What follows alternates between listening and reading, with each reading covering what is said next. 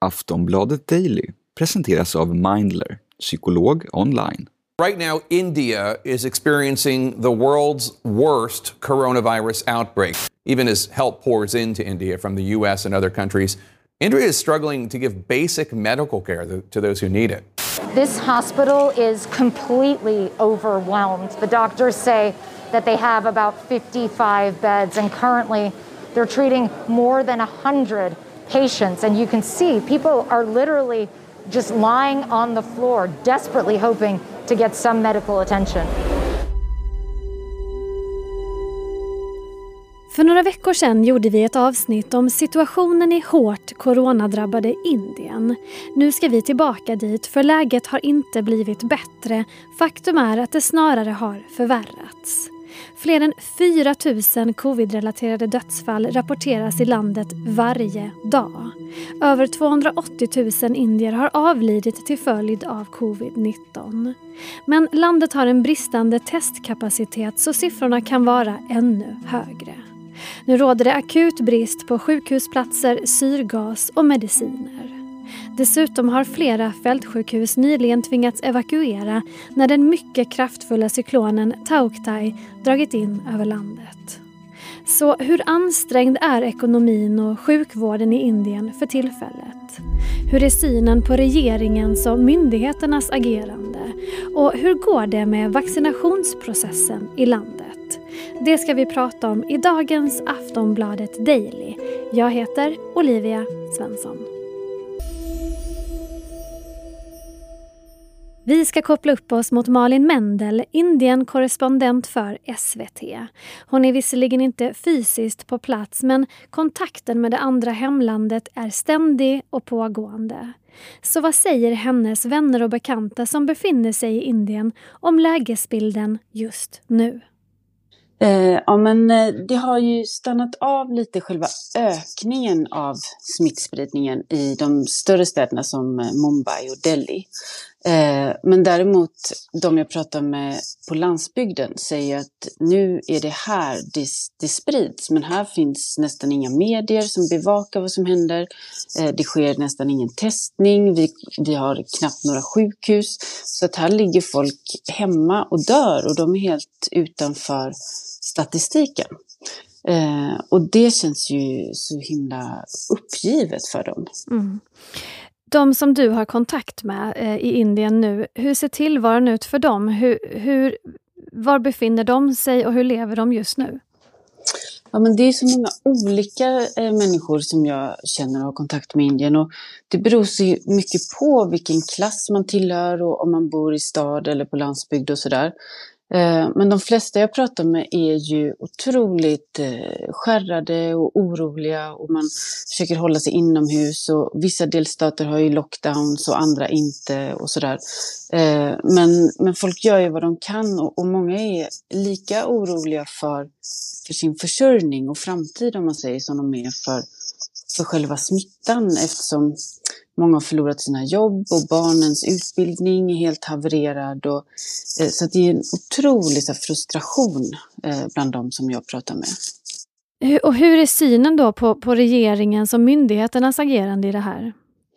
Eh, ja, men de har ju fått ganska hård kritik under den här eh, dramatiska andra vågen som har varit nu i Indien. Eh, för att de inte har förberett eh, tillräckligt mycket. Att man inte har byggt ut sjukvården, försäkrat sig om att det finns syrgas, eh, utan istället ägnat sig åt valkampanjer med stora valmöten och tillåtit eh, religiösa vallfärder och sådär som, som, som då misstänks ha bidragit ytterligare till smittspridningen. Så att det, det, finns ju verkligen ett missnöje med hur myndigheterna och politikerna har hanterat den här andra vågen. Många har ju försökt sätta press på premiärministern eh, Narendra Modi för att stänga landet. Varför har det liksom inte lyckats med någon riktig lockdown med, med tanke på läget? Går det ens att, att hålla den här typen av social distansering i Indien som hade krävts för att stoppa smittspridningen? Ja, absolut. Alltså, Indien hade en av världens absolut striktaste lockdowns förra våren. Eh, då hela landet stängde från mars till maj kan man säga. Eh, men det det var så många negativa konsekvenser av den här lockdownen. Så att jag tror det är därför centralregeringen drar sig för att göra det igen. Eh, för att det som hände då var att folk fick några timmar på sig att förbereda eh, den här drastiska åtgärden och då fick ju eh, miljontals migrantarbetare i städerna, de, de hade helt plötsligt inga pengar. De, får, de är dagliglönare liksom. Så då kan inte de betala mat, hyra ingenting och då flydde de hem till sina byar till fots ofta. Folk dog längs vägen och kanske också spred smittan på det sättet ut över landsbygden. Liksom. Eh, och dessutom så backade ekonomin 25 procent under den här perioden.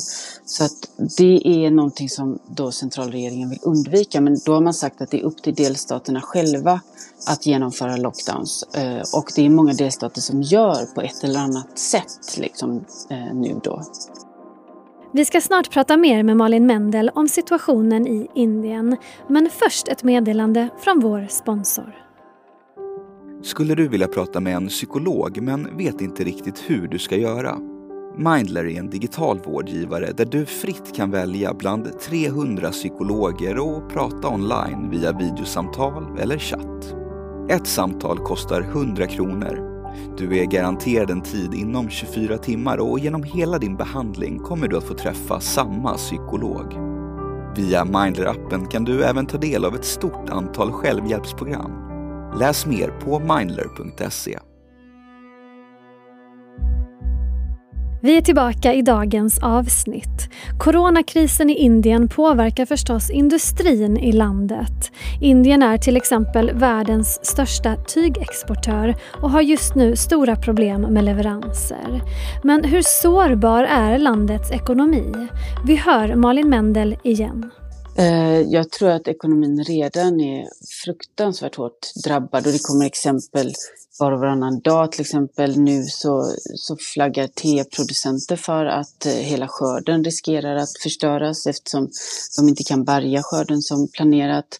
Eh, Indien är eh, världens näst största tillverkare av mobiltelefoner. Hela den industrin går nu på liksom lågvarv då massor av människor i de här, bland annat iPhones fabrik i Indien har eh, testat positivt. Så att det är, och sen miljontals eh, vanliga jobb liksom, som bara har försvunnit när ingen kan konsumera eller vara ute som, som vanligt och sådär. Eh, och Indien hade redan innan pandemin eh, rekordhög arbetslöshet så att det här är, är verkligen det sista som Indien behövde. Vaccinationsprocessen, det är ju ändå en sån sak som kan liksom, innebära en förändring åt det positiva hållet. Men hur går den i Indien? Går den fort eller långsamt? Eh, ja, men Indien är världens största producent av vaccin eh, och av just nu då covid-vaccin eh, och exporterade tidigare till över 90 länder. Men nu när smittspridningen inom landet har blivit så kraftig så har man satt eh, stopp för den här för att man behöver då allt vaccinet inom landet. Eh, men trots det så, så vaccineras inte alls i den takten som, som behövs och som var planerat. Man hade tänkt 300 miljoner vaccinerade fram till sommaren. Eh, och det kommer man inte att nå det målet. Utan som det ser ut nu så är endast 3 procent av de här 1,3 miljarder människorna har fått två doser. Och hur kommer att, det sig att det går så långsamt? Eh, därför att Eh, tillverkningen sker inte så snabbt som man hoppades. Eh, bland annat för att USA inte mm, exporterar komponenter som behövs. Eh, man lyckas inte heller distribuera vaccinet så effektivt som behövs. Och i och med den här kaotiska situationen med den smittspridningen som har varit så dramatisk så, så försvårar det allt sånt här arbete där människor måste träffas för att få det här vaccinet och, och, och sjukvårdare som behöver göra det här som nu jobbar extra på sjukhusen istället och sådär. Eh, men tanken är att alla över 18 år nu från och med maj ska, ska kunna få Eh, sina sprutor. Men då krävs en speciell app och det är inte alla som har möjlighet att ha en app eller en smartphone.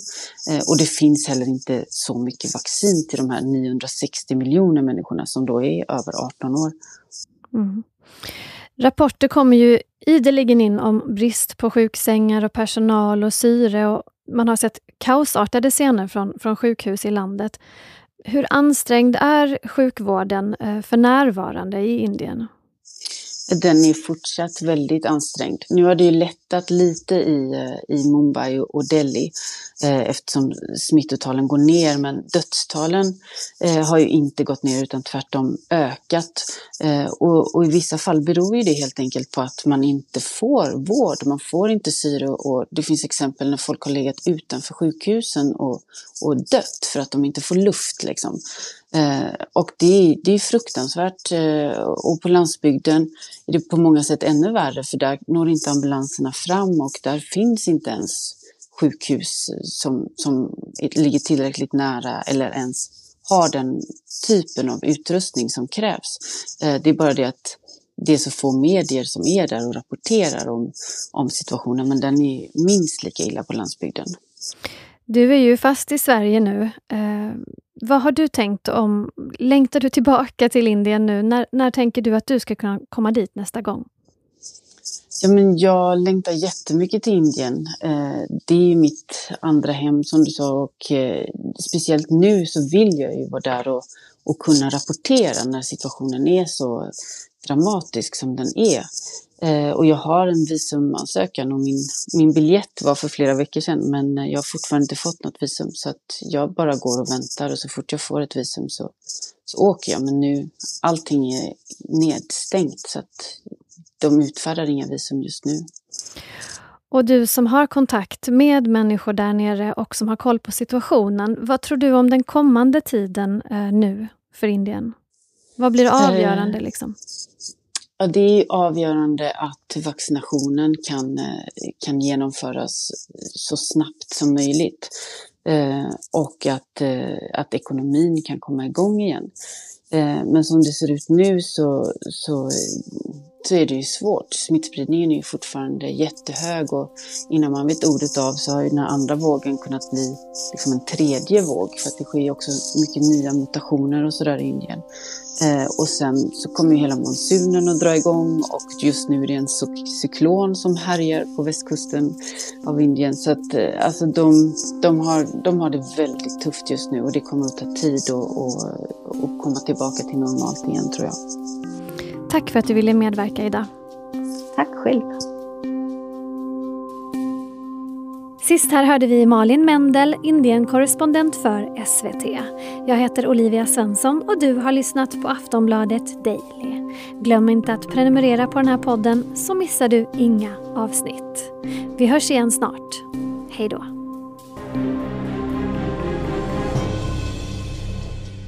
Du har lyssnat på en podcast från Aftonbladet. Ansvarig utgivare är Lena K Samuelsson.